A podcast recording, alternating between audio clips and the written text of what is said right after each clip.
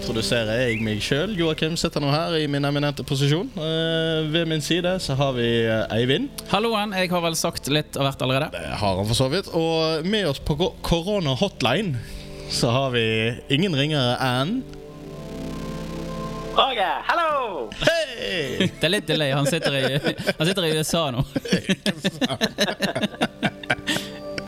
Ja, men det er stilig. Vi eh, tester altså ut nye eh, muligheter eh, på ja, den nye teknologien vi har anskaffet oss sjøl. Nå, nå, nå har jeg oppgradert CV-en min til å bli radiotekniker oppå alt. Ja, ja, ja, det blir Det kommer til å ende opp i NRK, du. Så første gang i vår podcast-historie, kort som den har vært, så er det første gang vi kjører hele showet live fra ende til annen. Som betyr at alt vi hører i dag, og alt vi opplever i dag, det kommer til å skje og kjørt ut uredigert. Introlåter og alt som måtte være, det skjer. Når vi trykker på knappene på riktig tidspunkt.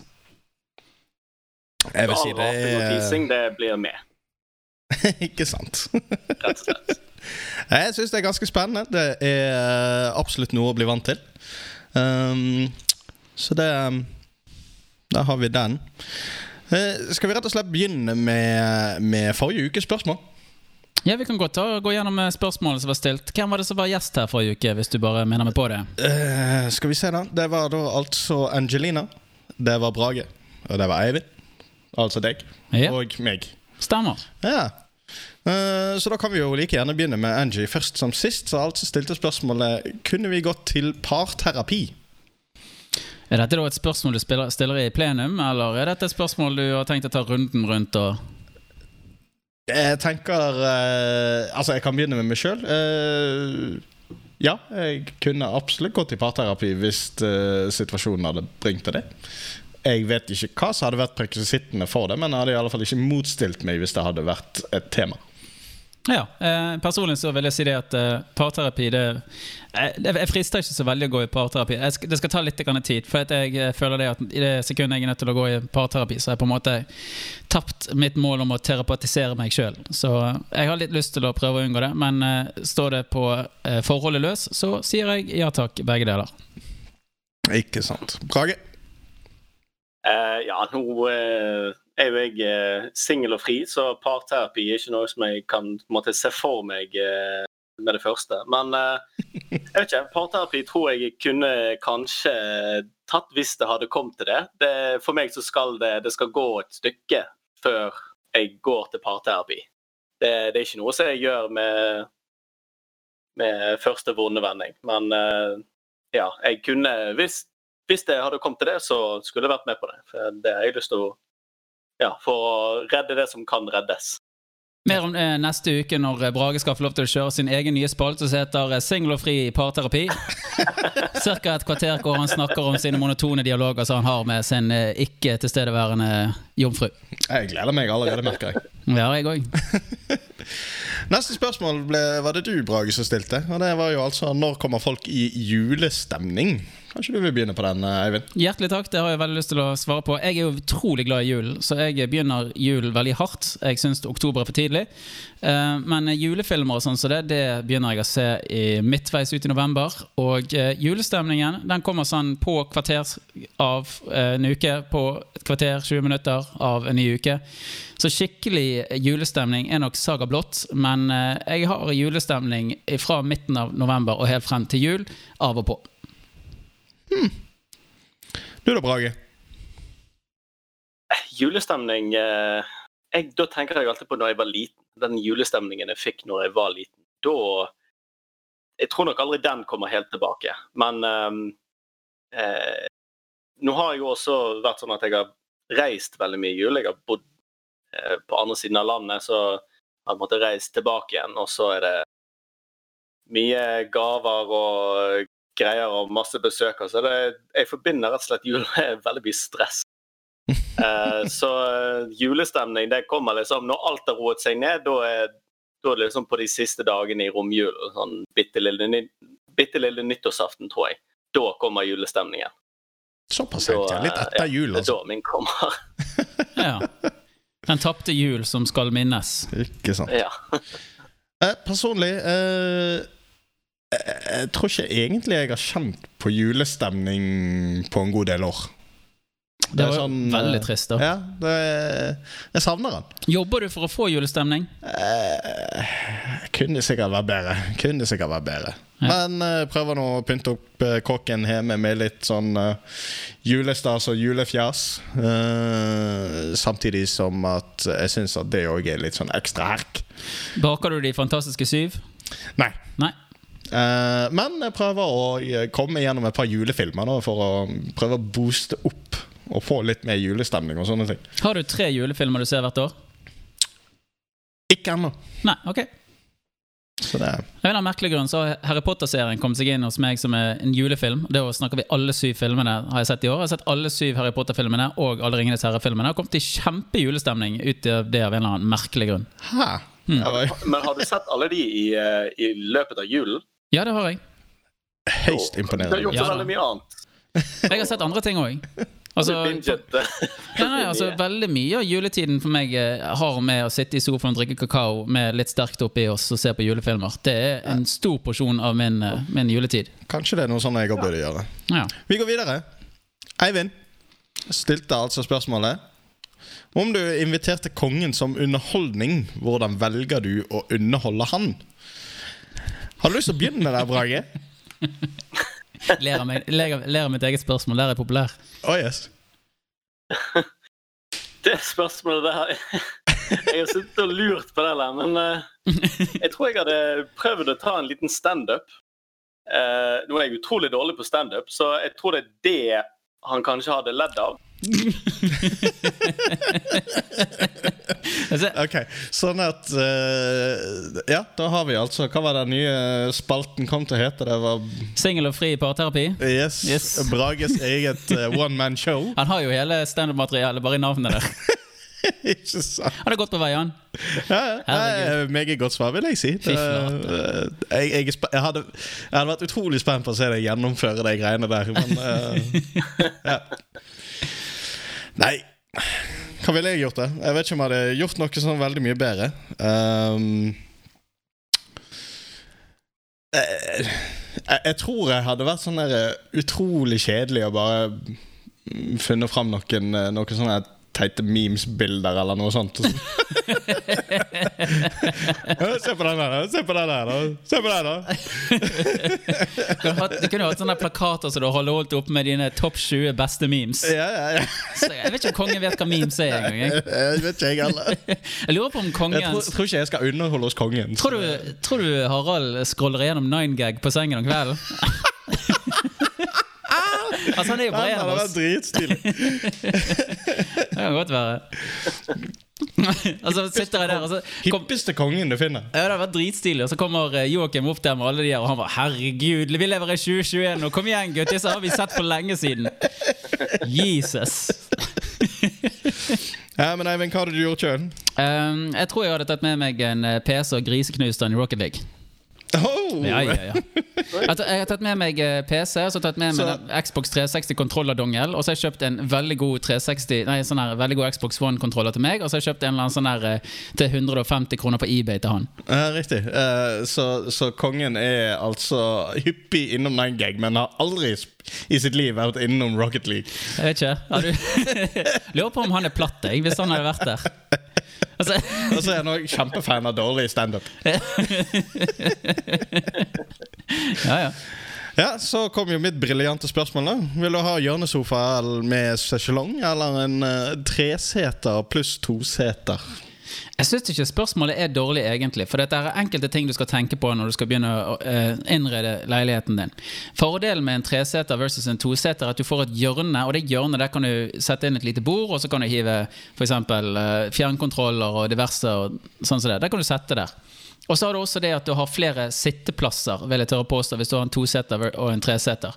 Så det, det er ganske mye som heller mot den, men samtidig en sjeselong tar litt mindre plass, og det er så digg å være et sted hvor en toseter er litt for liten å ligge i, men på en treseter med sjeselong så tør jeg å påstå at det er plass for to å ligge. Ja. Til og med to kompiser kan ligge sammen på en uh. Den eh, kan dere tolke som dere vil. Jeg eh, vet i alle fall hvor jeg tolker det. Ja. Men jeg eh, tror eh, jeg hadde gått for treseter og toseter. I hvert fall nå i koronatiden. Ja, det, det er for så vidt godt poeng. du da, Brage? Jeg eh, hadde nok gått for det samme, rett og slett. Jeg er veldig enig med, med Eivind der. Ja, Du sitter jo i karantene, så du har jo kanskje litt mer eh, å tenke på der. Ja, her er det nå bare én pluss null, da. Så det blir ikke så veldig mye ligge med noen andre. Det akkurat der, kan du- det der, Men, eh, den, den setningen der kan du legge rett inn i materialet ditt for kong Harald. Ja, nei um, Ok. Jeg, jeg må si personlig så er jeg veldig fan av uh, Sechelong-typen, altså. Jeg digger det for det det er verdt. Jeg føler det er en sånn ting man skal ha når du, føler, når du er en sånn person som er fan av å bli matet druer. Ja, så liker jeg å bli matet druer, da. Hvem gjør ikke det? Vi har, vi har vanskelig for å innrømme det, men alle har vel egentlig alltid drømt om å bli matet druer. Det er ikke sant. Queen Cleopatra. Oh yeah! basseng med melk eller basseng med vann? Ja, yes. Uh, nei, det, blir jo, det blir jo melk, da. Klart. Ja, ja. Kamelmelk. Aller helst. Ja. Ja. Um, skal vi se, så hadde vi jo um, Jeg føler vi at har Der, der var han, vet du. Uh, hva har vi altså gjort på, eller spilt i det siste? Nå har det vel gått uh, det, Vi har vel løyet litt når vi sier at dette her var forrige ukes podkast og denne ukes podkast. Det har vel gått litt lengre tid siden sist det har podkast. det. Det er jo behind the scenes-informasjon som kommer her. Men vi har vel, eh, siden sist gang så har det vel gått om lag kanskje rundt en måned. Vi har jo vært igjennom en uh, veldig farlig uh, juleperiode her, så det har jo vært en god pause. Ja. Uh, så det er jo litt å ta tak i. Det er jo for så vidt et godt poeng. Ja, du får sende ballen. Ja, vi kan jo eh, Vi vet Brage hadde det litt på hjertet, så eh, ja, du kan jo bare få begynne, du, Brage. Ja. Eh, nei, hvordan har jeg hatt det sist? Nå har det jo vært jul, da. Ehm, det har jo skjedd eh, et par ting. Og akkurat nå, siste uken, så har det jo skjedd egentlig ganske mye. Eh, tenker på eh, eh, på situasjonen i USA. Og vet ikke Hva- hva hvor eh, langt frem i tid dette kommer til å høres på. Men eh, ja, folk som stormer eh, Kongressen og jordskred i, på Østlandet og veldig mye forskjellige ting som eh, har skjedd i det siste. Så eh, rett og slett eh, fulgt ganske mye på det. Ja. Det er jo en vir virkelig bra Det det, kickstart på året 2021, som skulle være det gode, avtagende året etter 2020. Ja, veldig. Vi har jo virkelig fått smakt på noe. Må si meg enig i den. Um, Yes. Det, Eh, ja. ja. akkurat sånn med spill og sånt. eh, hva jeg har spilt det, Jeg har eh, akkurat i det siste Det har kanskje litt med mm, med det der altså julen så har det vært eh, litt besøkere og sånt, og så på en måte komme meg litt Bare litt Hele året så har jeg jo så vært alene i denne fordømte koronatiden. Så jeg har liksom gått litt tilbake til eh, til det å være litt alene. Så har jeg rett og slett kost meg med litt uh, Civilization. Å, det var fint å høre. Civilization. Ja, Hadde Oh, hadde ikke en liten runde i lag, meg og Brage òg? Der, uh, Ja. der snevret det seg rundt uh, den der uh, nostalgifonten min.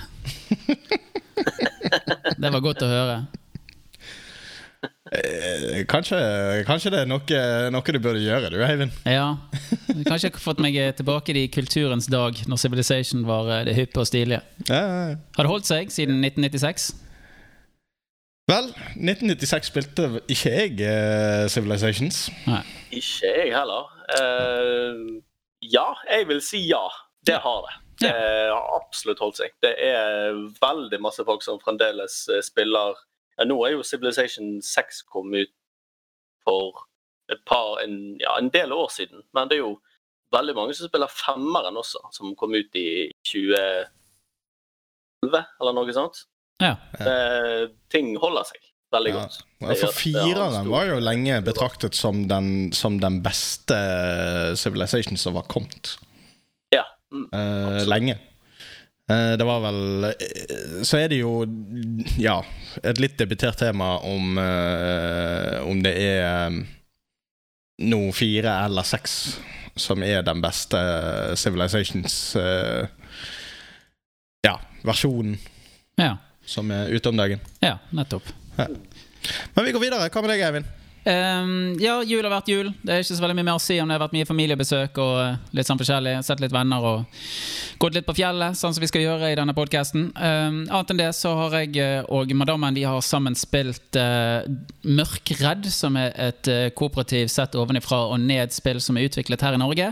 Veldig koselig. litt uh, krøkkete kontrollere, egentlig, men uh, fin sånn klassisk norsk spill som uh, spiller på metaforen rundt det og uh, ja, befrukte. Uten at det er noe sånn Ingenting perverst med det. Det er et veldig pent, uh, skummelt, uh, stilig spill som kan spilles for av mennesker i alle aldre. Jeg anbefaler det for de som har lyst på en liten sånn seks timer uh, spill på en kveld istedenfor å se en film. Så er det veldig kjekt. Bra spill for par.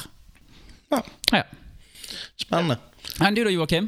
Nei uh, Hva har vi gjort på? Jul har jo, som du sier, vært jul. Eh, ja, veldig mye familiebesøk. Ja, jo, har jo, har jo vært det.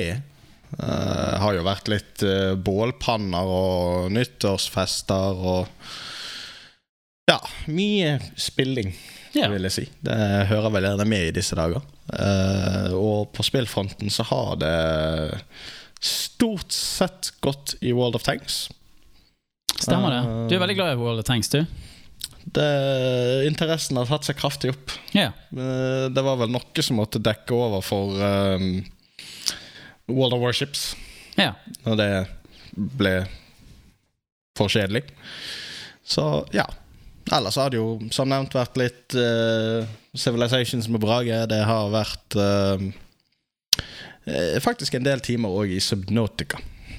Stemmer det. Jeg har eh, startet opp et spill på hardcore. Altså dør du, så er spillet ferdig. Det er ikke noe retry eller noe da. Nå begynner du helt på nytt. For de som ikke vet det, så er Subnautica i sjangeren grøssespill sett fra mitt ståsted. Et skummelt spill hvor eh, dypere lengre du ned du går, og du vet så lite, og du mangler luft, jo eklere blir det. Et veldig, veldig bra spill, syns jeg. Absolutt et av mine høydepunkter i 20... Hva var det? 18? Jeg lurer på om det var det. Ja. Yes. Men eh, jeg tror vi runder av eh, dagens intro der, jeg. ja, vi kan godt gjøre det. Ja. Yes. Og eh, med det så kan vi vel egentlig bare si at eh, vi går vel eh, Ikke det Stemmer ikke at vi skal videre i eh, wildcard-spalten? nå? Ikke det som er Det, neste på det er programmet? vel eh, den neste spalten vi skal inn i. Vi passerer rett over i wildcard-spalten, vi.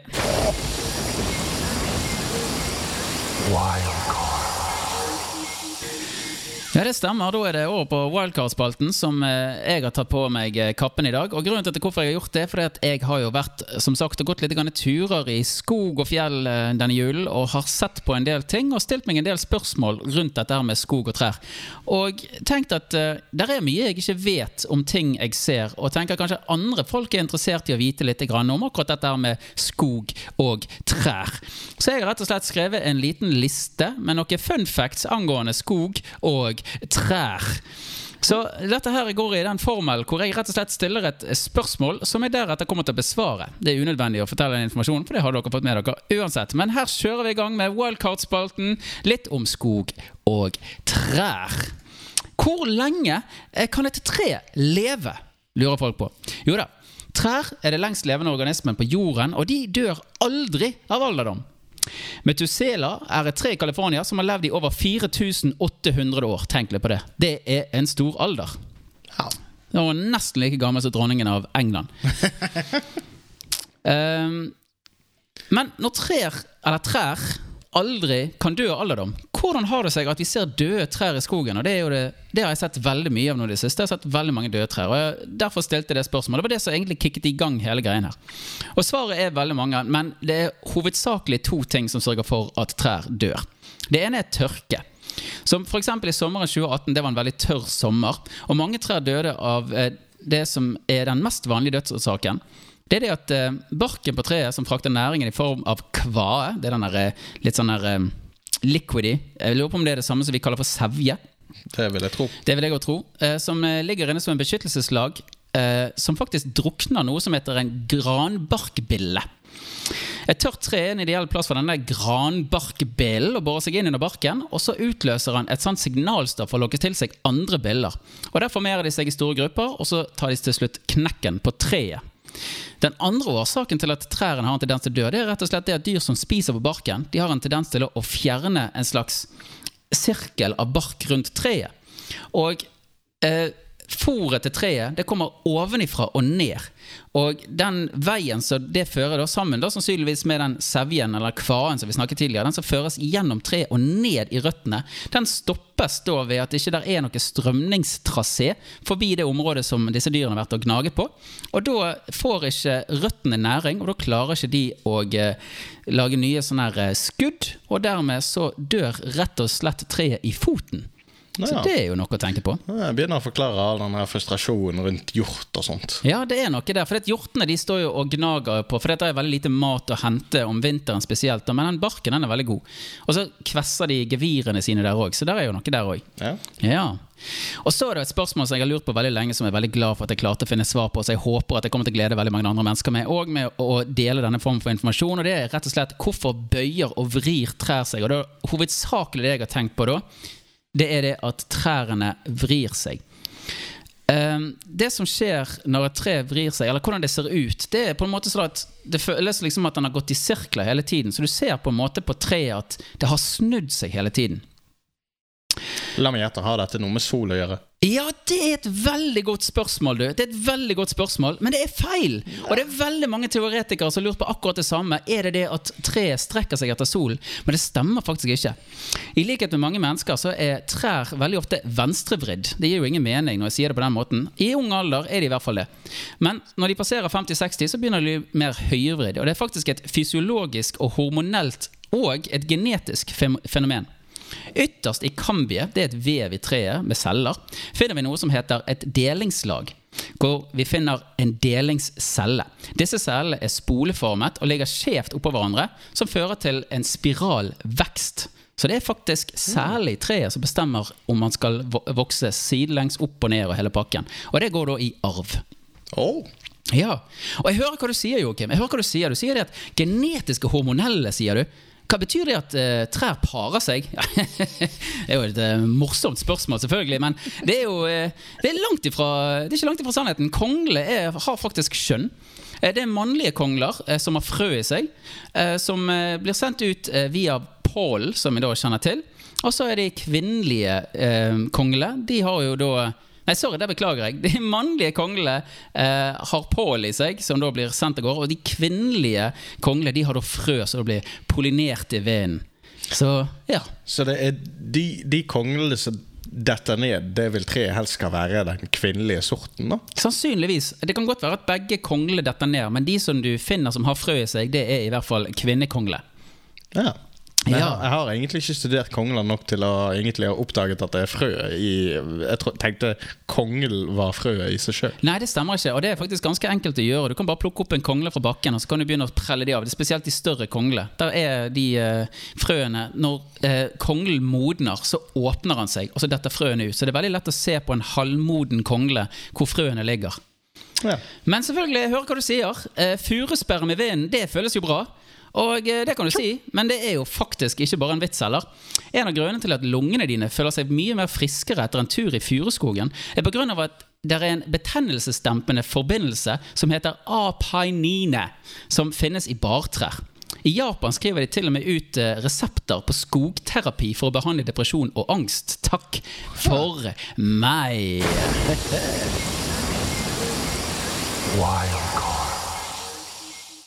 Ja, det var jo dagens wildcard-spalte. Det var det for øvrig. Det, jeg må jo si det var jo eh, en del nye ting her. Ja, det, du kunne lære litt grann ut av det. Ja, Jeg syns Ja, det var litt er fascinerende. Det var veldig interessant å høre på. Ja. Jeg syns det var spesielt interessant det at de faktisk måtte skrive ut resepter for at folk skulle faktisk gå ut i skogen i Japan. ja, nei, det, ja nei, det er ikke resept for at folk skal gå ut i skogen, men eh, det er resept for depresjoner. Så skriver de ut en Det er litt rart, jeg er enig med deg der. Jeg kunne gjerne tatt og dobbeltsjekket litt mer rundt akkurat denne. for hvorfor trenger du en resept? Men det kan jo hende at de Ja, du kan ikke få resept på skog, men du kan i hvert fall få arbeidsfri til å gå i skogen. da Det er nok heller det det går i. Ja. Eh, japanerne er jo som kjent veldig glad i eh, å overarbeide seg sjøl, så det er nok heller det at de faktisk eh, fra medisinsk ståsted blir tvunget. Ja, men det er veldig greit å tenke på, for det er jo noe vi har snakket om tidligere i denne podkasten, om eh, akkurat hvordan man skal eh, prøve å bearbeide dette her med litt sånn angst og sånn 2020-2021 problemstillinger som vi har. Og, og det å gå i skogen, det, det gir jo noe. Så det ligger jo noe i det, da, selv om ikke nødvendigvis vi alltid går i furuskog, da, som virkelig skal, eh, skal få lov å polere oss, men uh, pollinere oss. Jeg vet ikke hvor mye furuskog vi har i uh, bergenstraktene heller. Å, der er mye, du. Her er det plenty. Jeg vet det er mange sorter, men Ja, nei, Du kan ta deg en tur på Smøråsen. Der er det nesten furuskog over. Og uh, der er en del furu rett ute i Canadaskogen utenfor døren. det er det òg, ja. Ja da. Men dessverre så har det seg sånn at det er veldig mange furuer som har begynt å Ja, begynt å dø. Fordi at eh, etter den krisen i 2018, da, som sagt, så var det veldig mange furutrær som gikk med spillet. Ei, ei, ei. Men nå vet vi hvorfor. Grantære er hardføre. Det har jeg forstått. Ja. Ja, nei, men Vi går videre. vi Skal vi eh, hoppe rett i eh, dagens tema? Det kan vi ta og gjøre, du. Og det er så litt gøy, Nå eh, får vi ikke lov å kjøre jomfrutiden på vår eh, nye jingle til dagens tema, så, Stemmer det. så den håper jeg folk bare setter pris på. Vi går over til dagens tema! Nei, det er jo et forferdelig godt spørsmål. kan umulig stemme. Det skal jeg aldri tenkt på før. Det er ikke sånn. Helt urimelig. dette er urettferdig. Vi må jo bare spørre. Dagens tema. Jeg glemte litt den slutten her. kanskje. Jeg gjorde det, jeg gjorde det er helt greit. Da er vi klare for dagens tema, var det sånn jeg forstår? Ja, Spørsmålet var vel egentlig eh, Jeg syns jo den der jinglen er dritkul. Ja, nei, jeg, ja, jeg, jeg, Jeg jeg, håper jo virkelig folk liker den. ja, jeg, jeg blir i godt humør. Jeg er litt sånn jazzy. Ja, ja, Ja. Det er innafor den. Ja. I dagens tema så har vi tenkt rett og slett å eh, gå innom eh, spørsmålet 'Lonely man, only fan'. Ja. Hva i all verden betyr det egentlig? Nei, nå skal du få høre.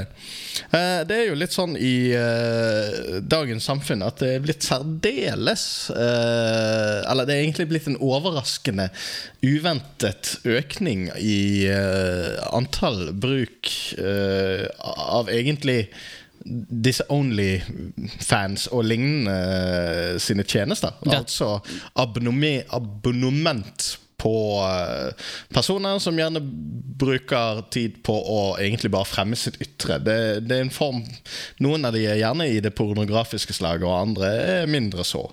Ja, Så du, du abonnerer på en tjeneste, og er dette video, eh, eller er det mail, eller Nei, det er jo noe som eh, stort sett foregår via video.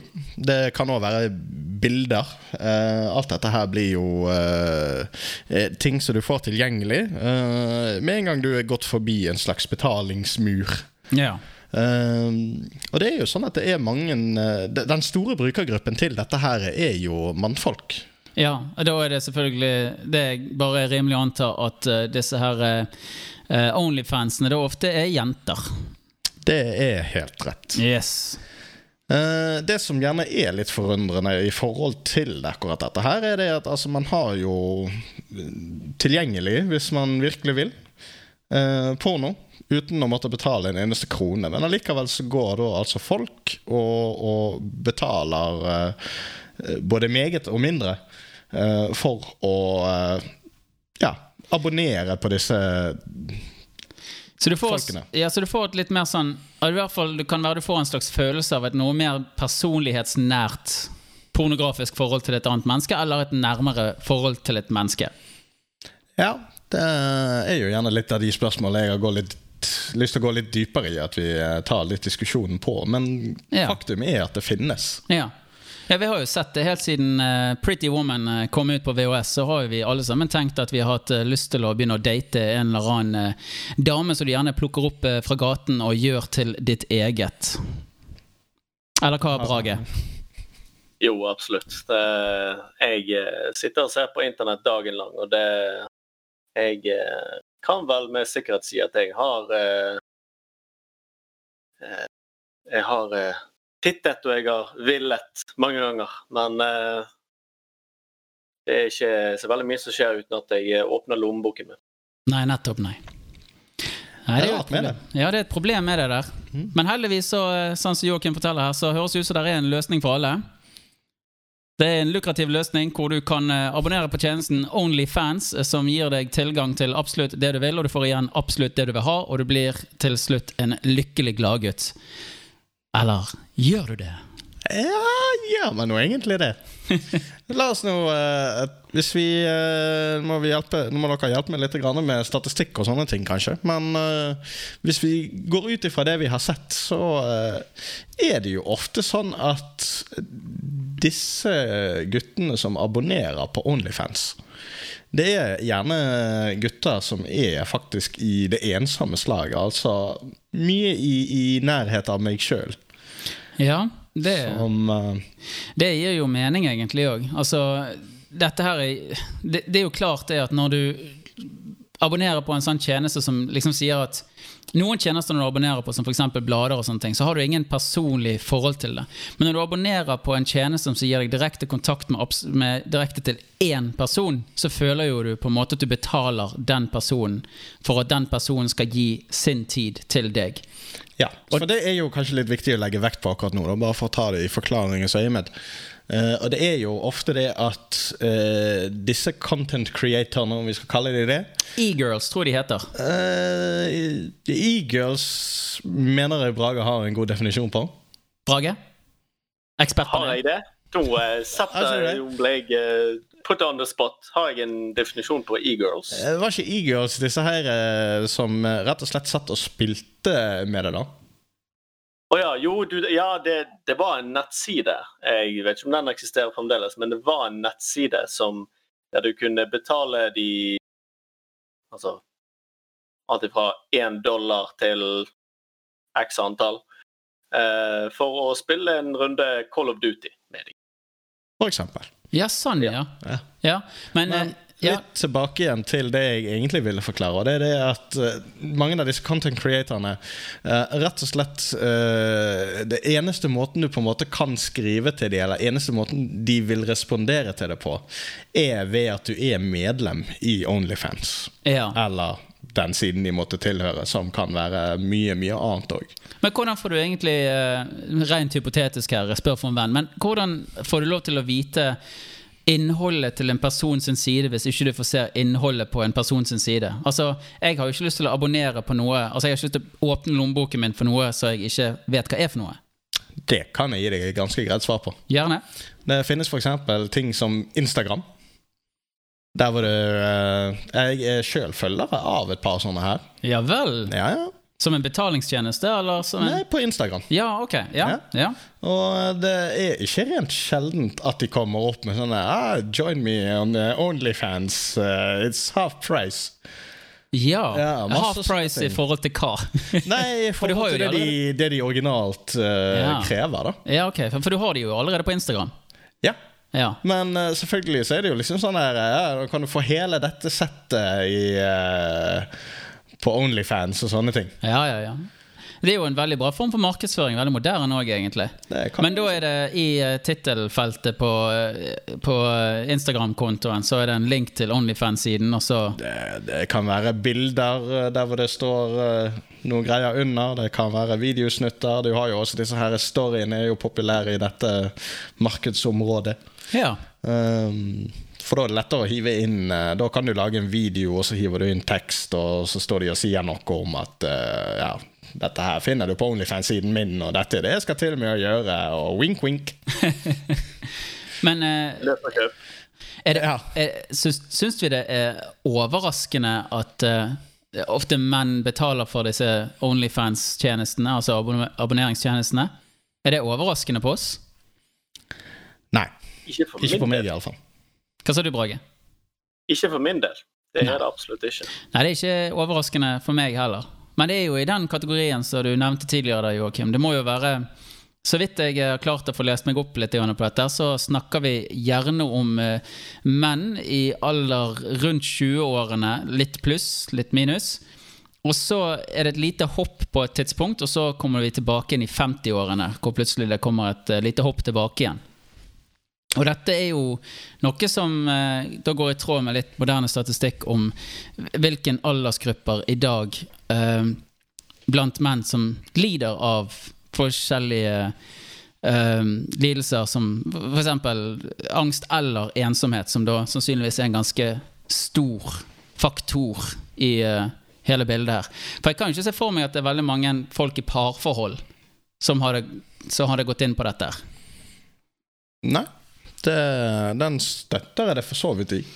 Eh, jeg tror allikevel jeg har kommet over et par historier der hvor det har vært tilfelle. Det har òg vært eh, grunn for eh, brudd i disse forholdene, selvfølgelig. Eller selvfølgelig. I, I de fleste tilfeller er det vel logisk.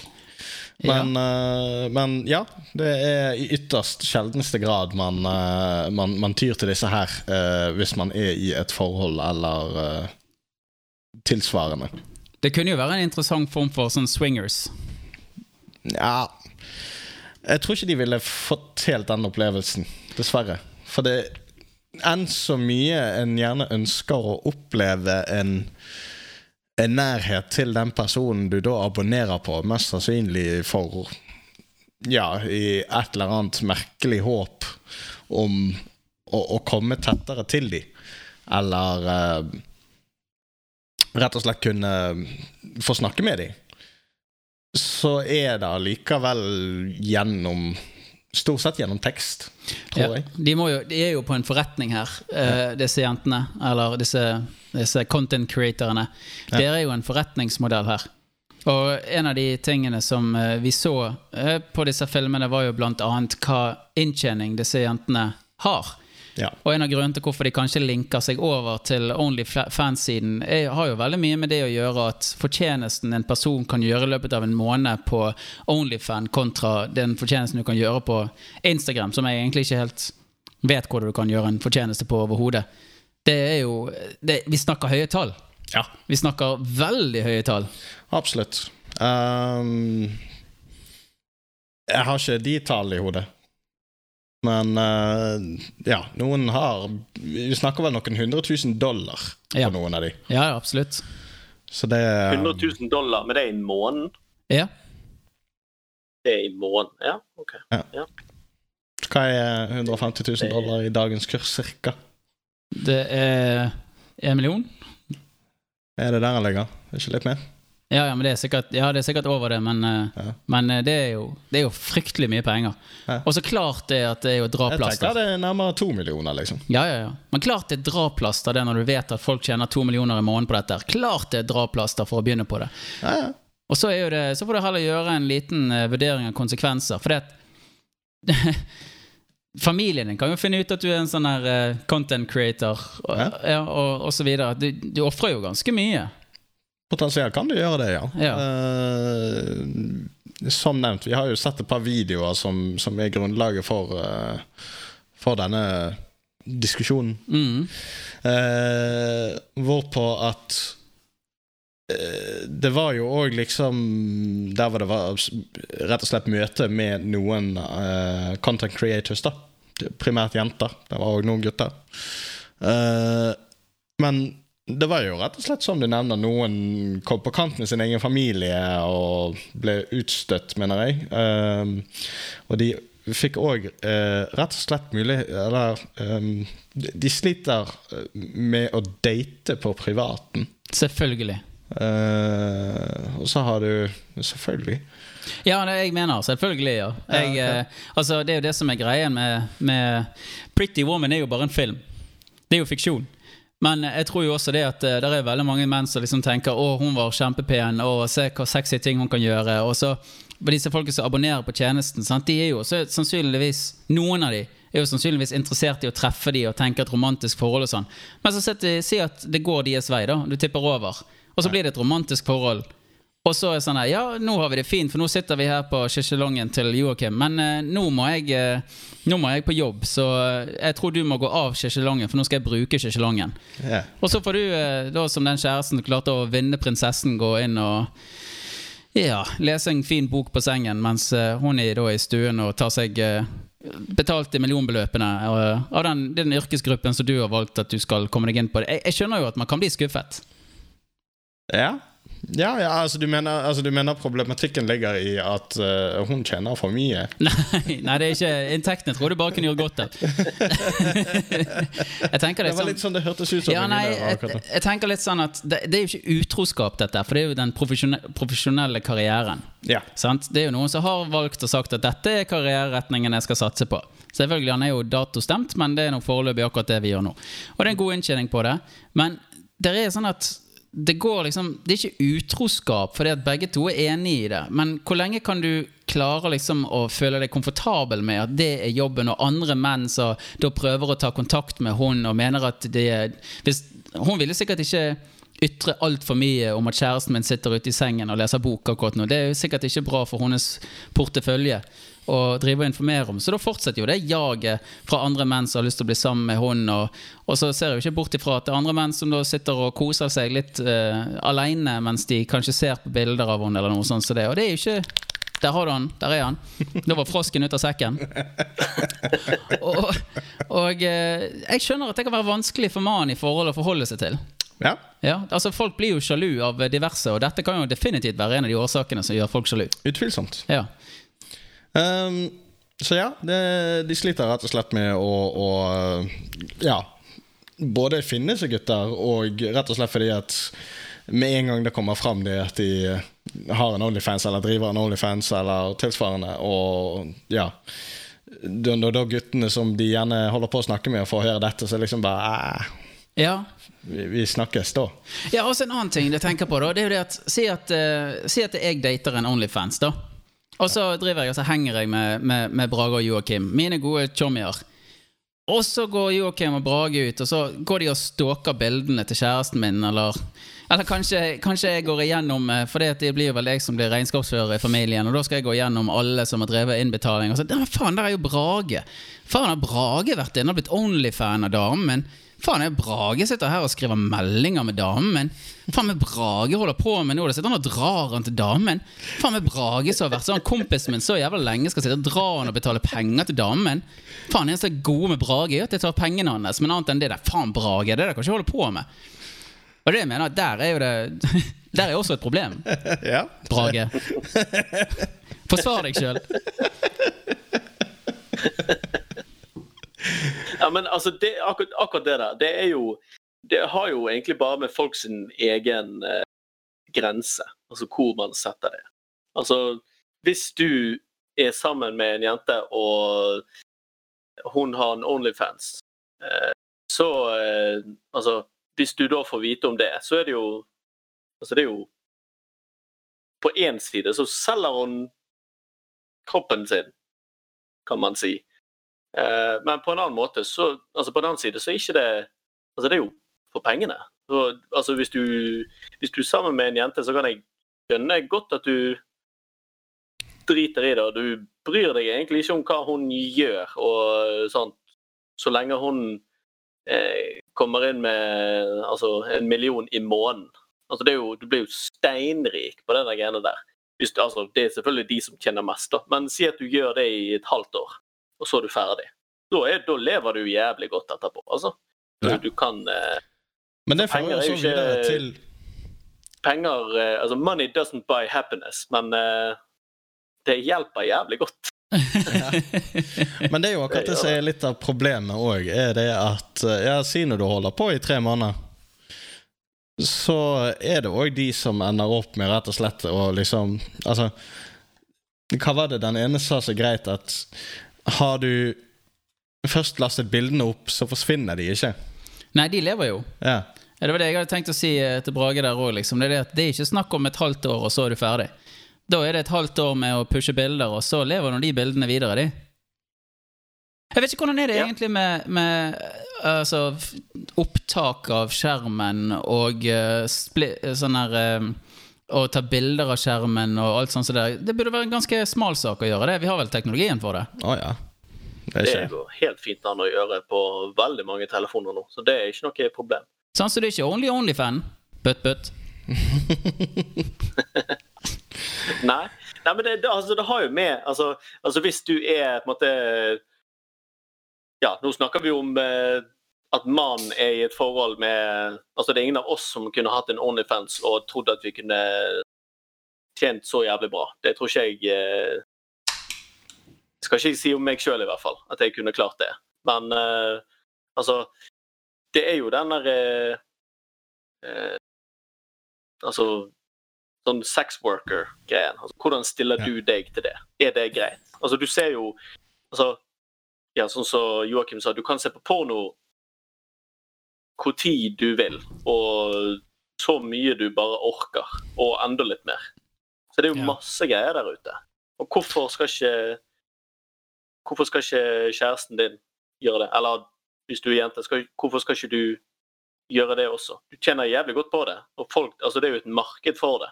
Hvorfor ikke Hvorfor ikke tilfredsstille den den, den og de, Ja. egentlig.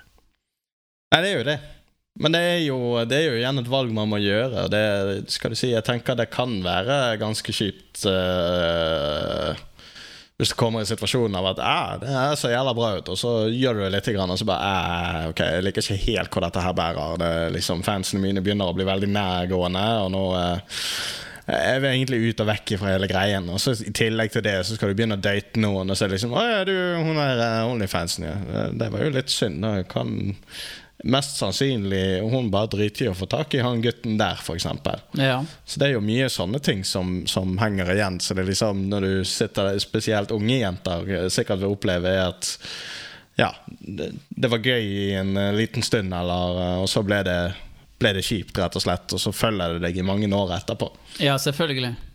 Og så er jeg ikke helt sikker på om du gjør samfunnet så veldig stor tjeneste heller med det at uh, du skal være sånn her Onlyfan og nei, sånn her eh, content creator på Onlyfans-nettsidene. For det eh, hvis vi går litt tilbake til det som vi snakket om i starten, det er jo disse folkene som går inn og ser på disse tingene. Sett om vi Sett om La oss leke rundt 80 da. Det er tallet drar ut av reven. Men la oss si rundt 80 starter eh, et abonnement fordi at de er ensom.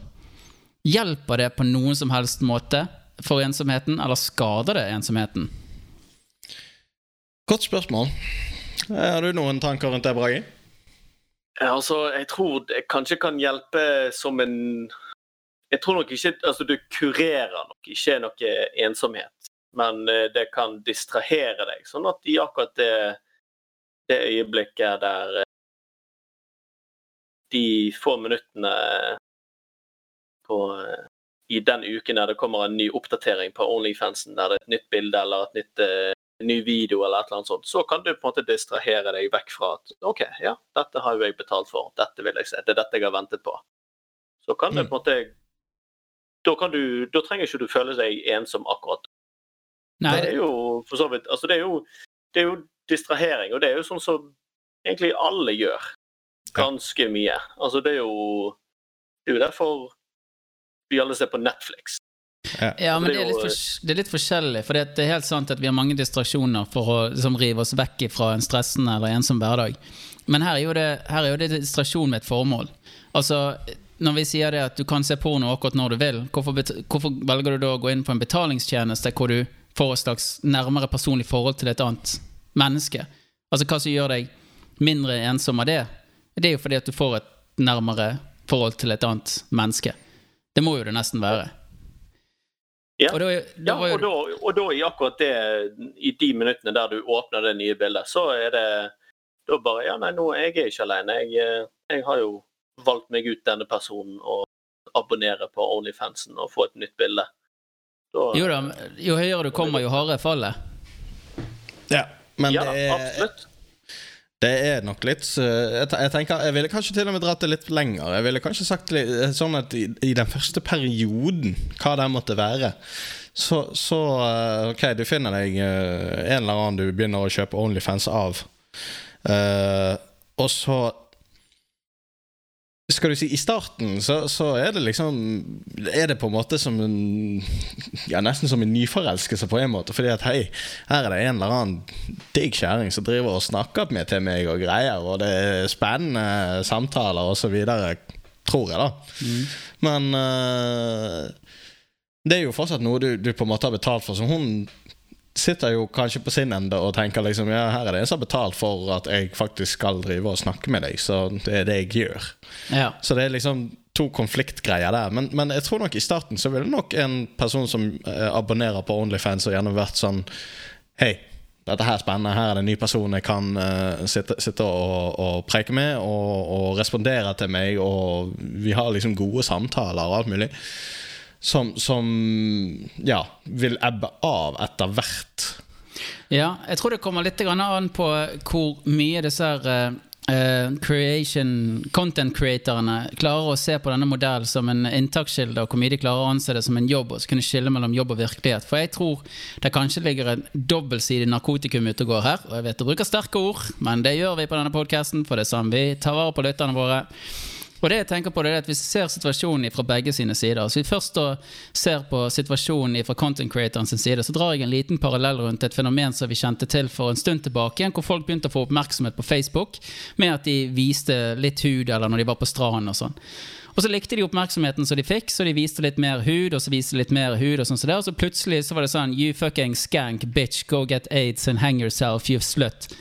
Og så dabbet liksom humøret litt av det, og så har de liksom klart å komme seg opp på en topp hvor de ikke klarte å gjøre det høyere. Og jeg tror det er mange som har klart å, å branche ut til å til For eksempel, de kunne jo startet Onlyfans-side sånn som det for å få den instant gratification som de da får med sånne sider. Men du kommer jo bare opp på en ny høyde som da gir en større skuffelse. Og det var jo et fenomen som vi hadde i starten av Eller midtveis ut i Facebook sin levealder. Jeg anser den som eh, nær døden. Og den andre siden av saken, det er jo de som sitter og ser på.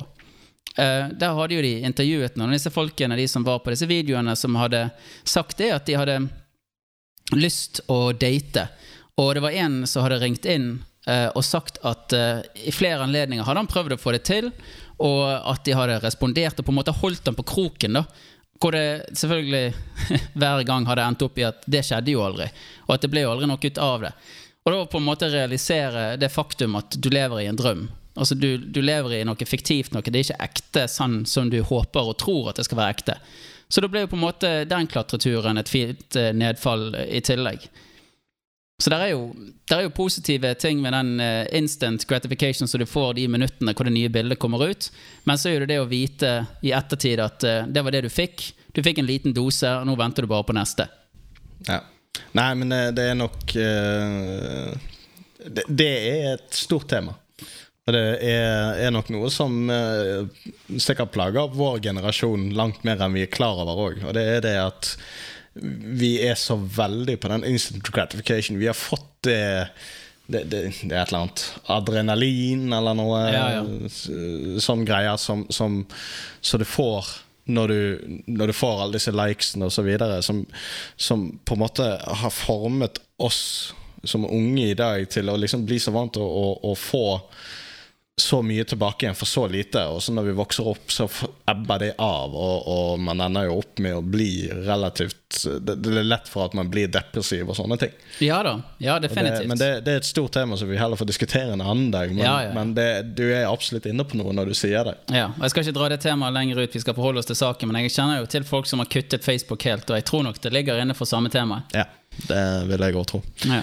Men uh, uansett, litt tilbake igjen til Onlyfans. Jeg kan jo, uh, kan jo nevne at jeg følger jo uh, litt ymse rart på Instagram. Ja, ja.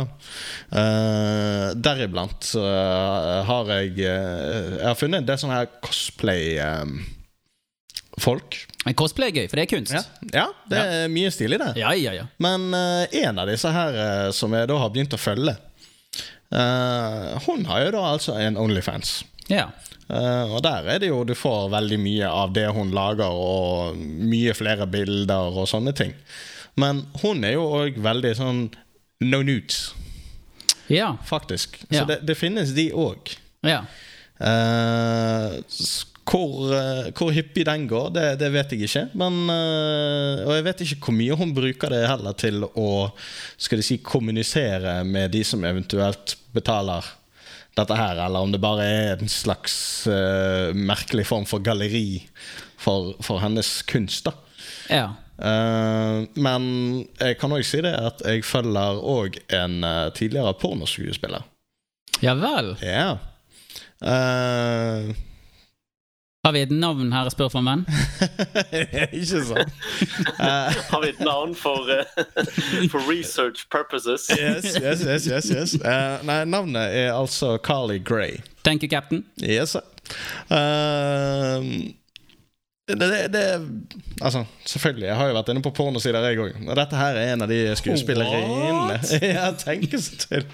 Dette her er jo da en av de skuespillerinnene jeg syns har um, Ja, det var litt interessant å følge med på. Så jeg fant flere, flere og flere filmer av henne, på, på en måte. Ja. Uh, og så var jeg litt nysgjerrig på liksom Ok, hva, hva er en Instagram til en pornostjerne?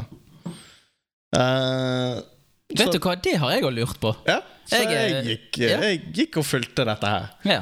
Uh, ikke så veldig lenge etter. Uh, da hadde jeg altså funnet ut at hun var sammen med en type. Uh, hun hadde altså fått seg en kjæreste.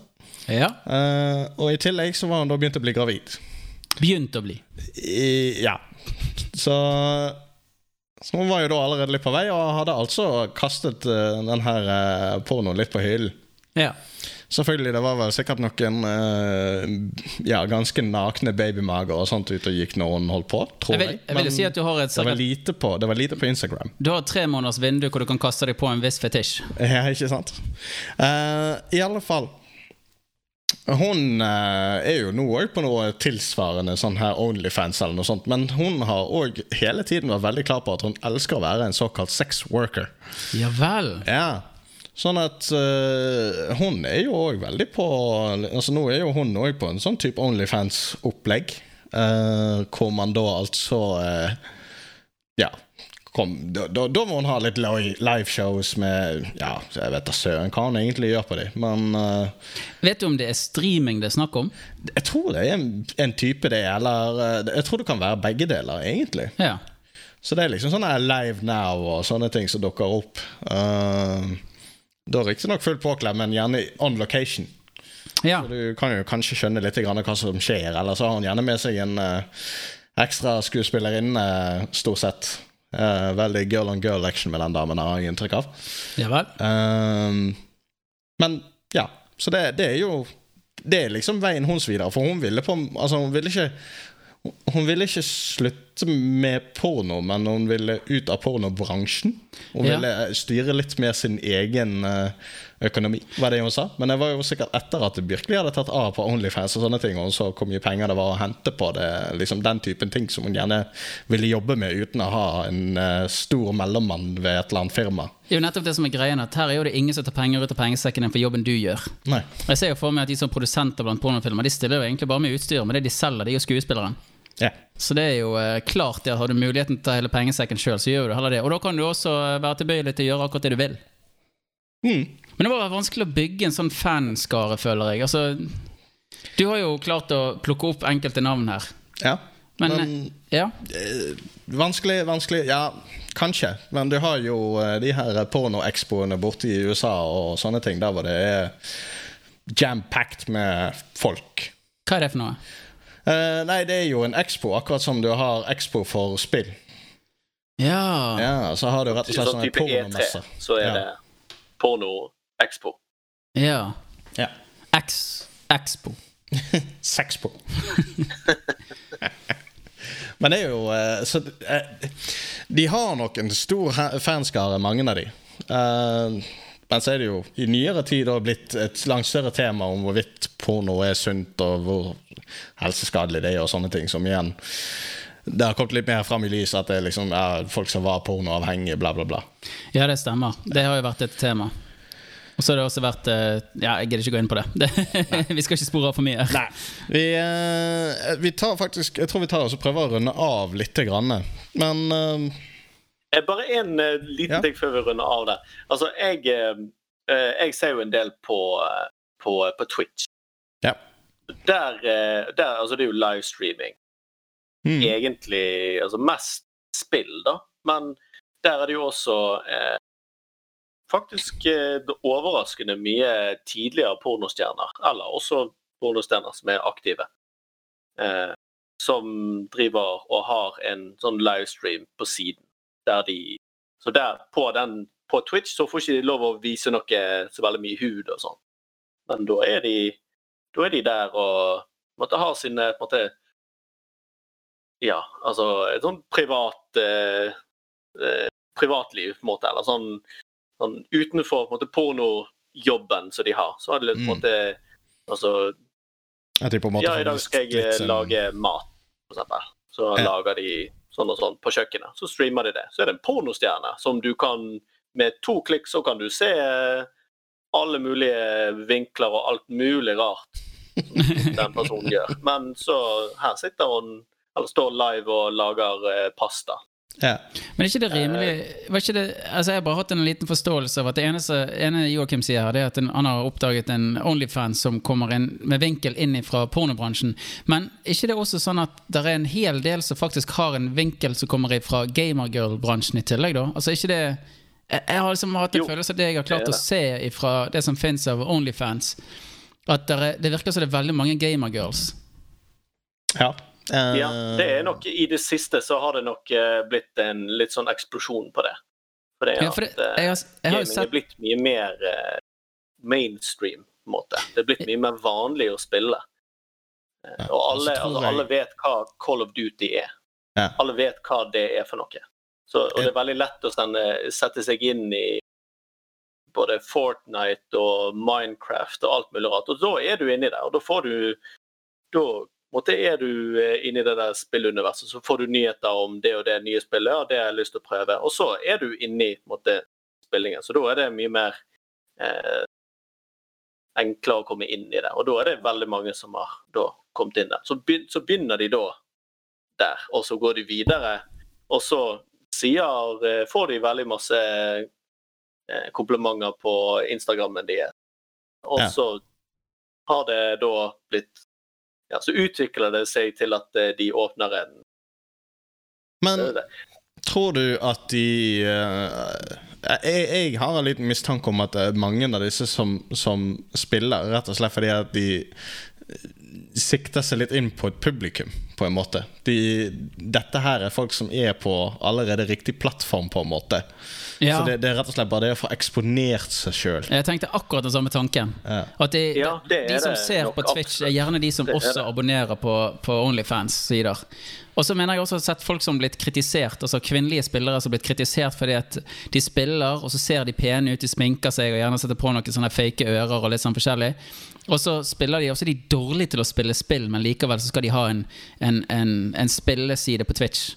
Og så blir de kritisert for det, fordi de spiller bare på, liksom på sex. da. Og da er jo den overgangen meganaturlig. Ja. Jeg tenker nok det ligger noe der òg. Og jeg har litt sånn Jeg har uh, Igjen på Instagram så er det mange modeller av forskjellige sorter som òg liksom linker eh, Ja, nå skal jeg sette meg ned og spille et eller annet. Følg med på Twitch nå, sånn bla, bla, bla. Ja. Så det er, det er mye der. De geleider deg gjennom kaninhullet. Rett og slett. Yes. Um, men eh, sånn avslutningsvis Er det er det, er det noen av dere som hadde kunne, kunne det vært interessant å vært en Onlyfans-kunde? Vært en kunde? Hæ? Nå er jeg Patrion-backer. Det er jo på ingen måte det samme.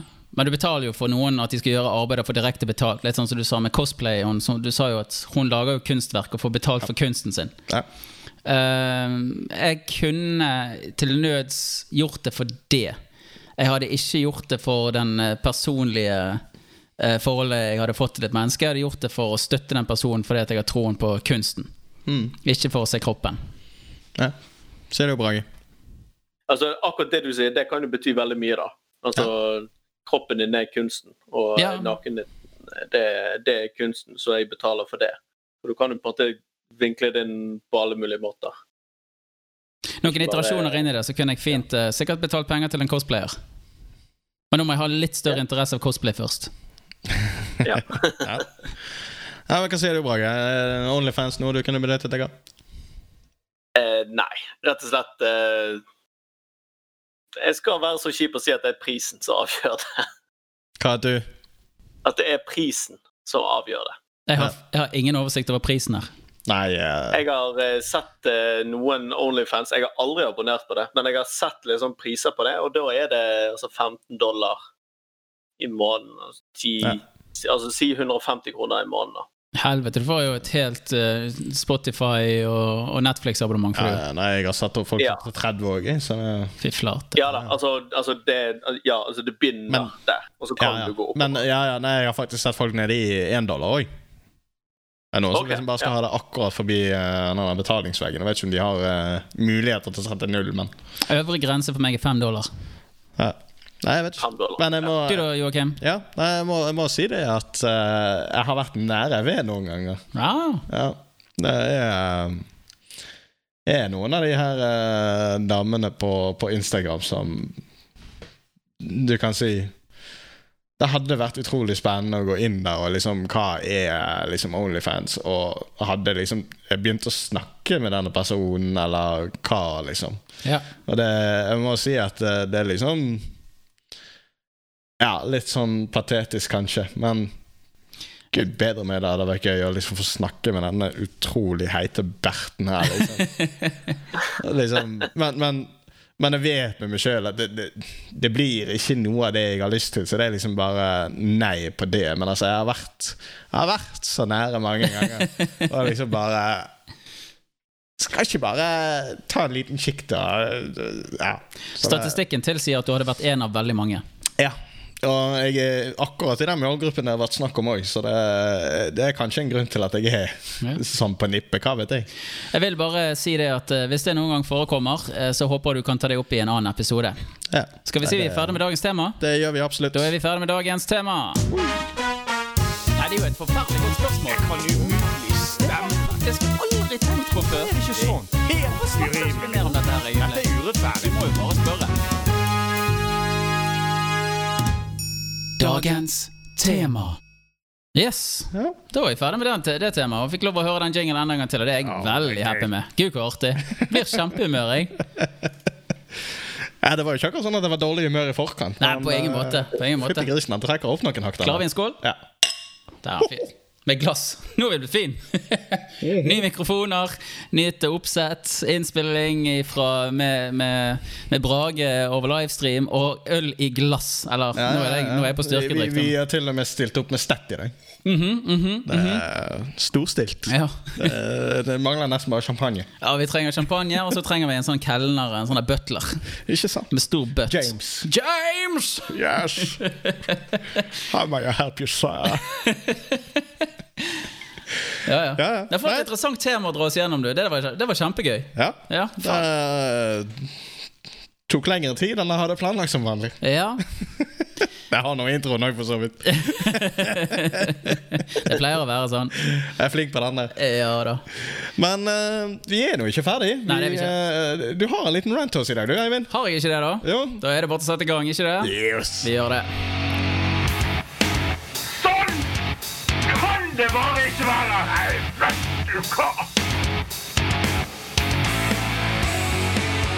Ja, det stemmer. Da er vi tilbake igjen til eh, Sann kan det jo bare ikke være. Og jeg har eh, i min kjente, vante form kjørt i gang en liten rant her som jeg har gjerne lyst til å dra folk med litt ut på. Jeg har ikke så lyst til å beskrive så veldig mye om hva det handler om. Jeg har egentlig bare lyst til å sette i gang, og så får folk heller oppdage hva det dreier seg om etter hvert. Sett dere fint tilbake igjen, åpne ørene, nyt eh, omgivelsene og slapp av. Så her er vi igjen. 145 år etter at Columbus måtte overbevise folk om at jorden var rund, for at fryktløse seilmenn skulle våge å være med på en ekspedisjon over et hav som var fullt av vesener som var større enn byer. En reise som utvilsomt ville ende i et skip som seilte utenfor verdens ende. Eller, om vi ser bort ifra overtro og barndomslære, her er vi igjen, da. Over 2000 år etter at den greske astronomen Eratosthenes fulgte skyggens linje sammen med sols bane rundt jorden. For samme måling ble gjort på to forskjellige steder for å triangulært lære noe om jordens omkrets, som resulterte i et viktig vitenskapelig oppdagelse om at jorden faktisk var rund. Eller her er vi igjen, i Norge. Hvor vi for 1000 år siden skrev i kristenloven at folk ikke fikk lov til å ta kontakt med eller søke kunnskap hos troll, som senere ble lovfestet i Norges første landlov, landlov i 1276, hvor det sto at det å kontakte med troll oppfattes som en meget alvorlig lovsbrudd som kan medføre lovens strengeste straff. Til og med fram til 1600-tallet ble folk kalt forbrytere for å bedrive trolldom. De strengeste reglene om trollfolk ble først opphevet i 1840. Dog, eh, det er jo 145 år etter at Johanne Nilsdatter fra Kværfjord i Troms endte som en kubbe på sankthansbålet som siste brennbare heks i Norge. Her er vi da, altså. Vi har våre problemer, vi òg. Men eh, for det meste så ser vi bare skogen for bare trær. For det er jo tross alt det det er mest av i skogen. Det er i hvert fall langt flere trær enn troll, vetter, nisser, gnomer, jotter, huldre, nøkler, nøkken, trollmenn, hekser, tasmanske tigre, kaspiske tigre, javatigre, sansibarleoparder og dodofugler. Ja. Vi kan nok klandre oss sjøl for å ha gjort litt dumme ting i uvitenheten som har navn, vi òg. Men nå lever ikke vi har erklært sjøl for å være i et informasjonssamfunn. En tid hvor eh, informasjon og kunnskap deles og overføres til teknologiske sprang. Innovasjonsrike ideer som skal redde kloden vår. Vi forteller om karbonavtrykket vårt og de globale konsekvensene av økte mengder mikropartikler med karbondioksid vi har i atmosfæren, gasser som må stoppes, energier som må rengjøres, skogene som må plantes på nytt, luften som må renses, verdensøkonomien som må stabiliseres, ungene som må berikes med lærdom for å reparere hva fortidens naive skatter har priset oss med. Ja, her er vi i dag. Eller det er kanskje her vi har lyst til å være i dag. Når skal vi slutte å tro på troll, egentlig? Når skal vi slutte å tro på at jorden er flat? Hva er det som driver oss til å flykte hodet først ned i kaninhullet og berike oss sjøl med det mest fanatiske av vitenskap? Er vi så inn i granskauen opptatt av å skille oss ut at vi tar steget inn i fantasien, snur på ordene nok til å hoste opp en påståelig faktasetning? Er vi så redde for å diskutere i dag eller å få bli fortalt at det er noe vi ikke vet. Så istedenfor finne, fin, så finner vi på noe som andre ikke vet. Å lytte er et tegn på intelligens, det òg. Kjære, vene, snille Kyrie Irving, en amerikansk NBA-basketstjerne. Du må vel ha hatt rom for et bare et snev av betenkningstid før du bryter ut med det om at det fremdeles er tvil om jorden er flat eller ikke i en podkast. Klart folk får det med seg. Greit at du har beklaget det nå, men folk, folk, som har følgere, de har rimelig stor makt, i. Og ting som blir sagt, blir ofte hørt og trodd på av de som ser opp til deg. Og da kommer vi dessverre til det uheldige, uheldige poenget. 7. januar er stemmen igjen talt. En ren formalitet hvor Joe Biden formelt skal få en godkjent seier. En viktig dag for demokratiet. Et utfall som ikke kan endres. Her på denne dag, bare noen få timer før, står avtagende president Trump på podiet og oppfordrer det amerikanske folket om å marsjere til Capitol Hill. De bryter en barriere, og de skal ta seg inn i bygningen. Som sagt som gjort, flere ble sendt til sykehuset, en kvinne ble skutt og drept. Demonstrantene måtte jages vekk av flere tusen militante med tåregass. Og kvelden ja, den stanset i at uh, borgerne fikk portforbud. Og da spør jeg, hva var det vi ikke visste? Hva informasjon var det som ikke var tilgjengelig? Valgfusk. Det har blitt benektet av samtlige som har mottatt brev av Rudy Giuliani. Det er en anarkistisk, pompøs president med store, tomme lovord som hisser seg utover det ganske folk, som mot all min fatting velger å høre etter. Og ikke nok med det, når asken har lagt seg, popper det faen meg opp i sosiale medier at dette, at dette er venstrevridde aktivister som forkledde seg som Trump-supportere. Come on, people! Herregud! Etter opptøyene blokkerte Twitter Trump sine rettigheter til å poste på Twitter i 24 timer. Mark Zuckerberg han fulgte tett på med, med midlertidig forbud fra Facebook og Instagram i to uker. Dette forteller litt om hva skader ord kan forårsake. Og Når man kan stille seg litt skeptisk til denne formen for sensur i et land hvor fri tale står som første punkt i Grunnloven, ser man kanskje nå et eksempel på når reglene må være tilbøyelige. Så til det sier jeg dette. Jorden er rund. Troll er fantasi. Trump lyger. Vi må bli flinkere til å lytte og skille mellom det som er riktig og det som er galt. For sånn kan vi bare ikke ha det. Takk for meg. Sånn kan det bare ikke være! Nei, vet du hva? Ja, det var eh, sånn eh, kan det bare ikke være spalten for denne uken. Det dreide seg egentlig om uvitenhet i et informasjonssamfunn. Ja.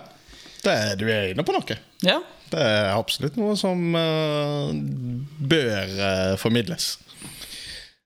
Det, det er alt altfor mye misinformasjon som, uh, som folk bare tar uten å kvalitetssikre. Og jeg skal ikke si at jeg er en eh, helgen på det punktet sjøl.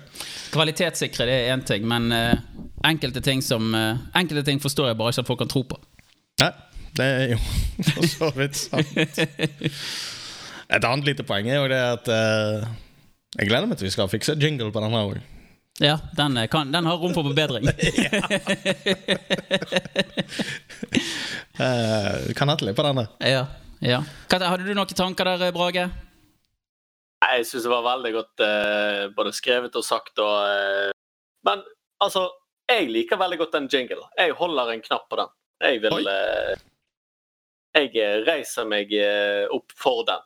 Altså, Ja vel. Jeg, liker, jeg har lyst til å beholde den. Ja vel. Vi får, gjøre, vi får kjøre til en poll. Ja. Den kan du, eh, du kan eh, nå den pollen hvis du går inn på vår felles eh, fan Hva het den igjen? Fan, fan, Onlyfan-side. Ja. Så da får du tilgang til pollen. ja, ja. Vi tar, vi tar 100, 100 dollar. Easy. Easy, easy money. Yes. Nei eh, Vi eh, kan vel egentlig bare Ja, litt sånn i respons til, til akkurat det med Du vil ikke engang ha denne jingle i et litt bedre lydformat, Brage? OK, ja, altså Litt uh, fiksing på lyd, kanskje, men jeg jeg syns uh, jingle er Ja, okay. fantastisk. Rett til poenget. for helt eh, får følelsen av at dette er en rant. Det ble så litt stilig. Det er jo det at eh, vi, eh, vi, Når vi skulle lage den jingle, så var jo meg og Joakim Vi var jo på Viggohytten på Gravdalsfjellet, og eh, vi hadde jo ingen intro akkurat da, så der spilte vi den inn. Og, og mikrofonen på det tidspunktet Den sto på opptak med altfor høy input, så 90% av det vi sa, det piket ikke som bare faen. Og det var jo ikke vi klar over. Vi fulgte ikke med på det der lille røde lyset som begynte å blinke hver gang han piket. Så dette skreik vi jo inn i mikrofonen. Så det, han står jo på maks pompøs peak, den der eh, eh, greien hele veien igjennom. Da. Men det, det sier jo Det fungerer jo. Ja. Ja, det gjør det absolutt. Yes, yes. Vi beveger oss videre til en aldri så liten oppsummering, vi. Ja, det gjør vi vel. Da um, har vi rett og slett uh, vært gjennom uh, Ja, i, i hvor vi er, og hvilken temperatur, og Vi har ikke tatt så mye klokkeslett og sånn denne gangen. Nei, nå, nå er klokken her hos oss 9.46. Ja. Så da er det regne seg tilbake 9.46 minus 1 time og 19 minutter. Ja. Det, det, det var da vi begynte. Yes. Ehm, vi har også svar på forrige, forrige ukes spørsmål, og vi nærmer oss snart at vi skal ta noen nye.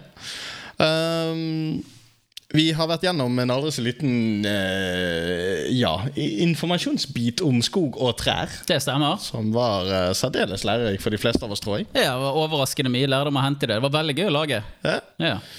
Eh, dagens tema i dag Det var altså uh, mye om uh, Onlyfans. Stemmer det? og dets brukere og dets uh, content creators. Mm. Før du da har nå egentlig så fint rundet det av med en aldri så liten rant om uvitenhet i informasjonstid. Yes. Så da må jeg bare Ja, kan begynne med, Brage. Stille det spørsmålet Hva er spørsmålet du har lyst til å stille til neste gang? Det spørsmålet jeg har, det er Nå har dette kanskje med at eh, nå for eh, ja, en eh, tre To-tre timer siden så eh, eh, testet jeg meg for eh, korona. Litt sånn snufsete og har kanskje en liten forkjølelse, men jeg tenkte å, å teste meg, da. Eh, så det har kanskje litt med det å gjøre. Vi er jo eh, inne i denne disse koronatider. Oh, yes. Eh, spørsmålet mitt er altså Hvis du kunne ta vaksinen som første nordmann Hvis du kunne kommet helt fremst i køen Ville du tatt vaksinen da? Hvis du ikke Altså, det, det, det er en veldig ny vaksine. Ja. Og eventuelle bivirkninger har vi ikke så veldig mye oversikt over. Ville du tatt den vaksinen da? Hæ? Godt, godt spørsmål, det. Det vil jeg absolutt si. Du da, Eivind? Hva spørsmål har du til neste gang? Ja, jeg eh, har jo eh, et dilemma som spørsmål denne gangen. Oi, oi, oi. Eh, Dilemmaet er som følger. Ville du alltid gått med hodelykt på hodet med lyset på? Eller bare kunne sett fem dager i uken? Hæ. Spennende. Det er spennende. Ja. Um, Sjøl så er, har jeg kommet med et spørsmål. Og det skjøt meg kanskje litt i foten med å ta opp et spørsmål under dagens tema, som kunne vært et veldig spennende spørsmål, kanskje. Rett og slett om det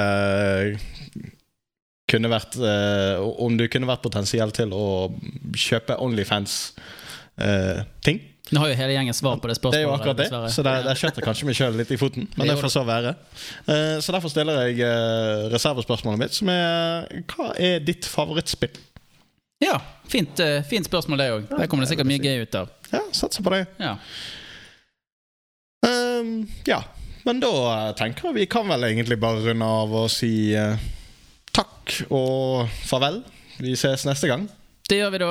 Takk eh, for at du kunne være med oss, eh, Brage, over eh, telefon. Yes. Telefon, som de, ja. de sier. Så de sluttet å si for sikkert 30 år siden.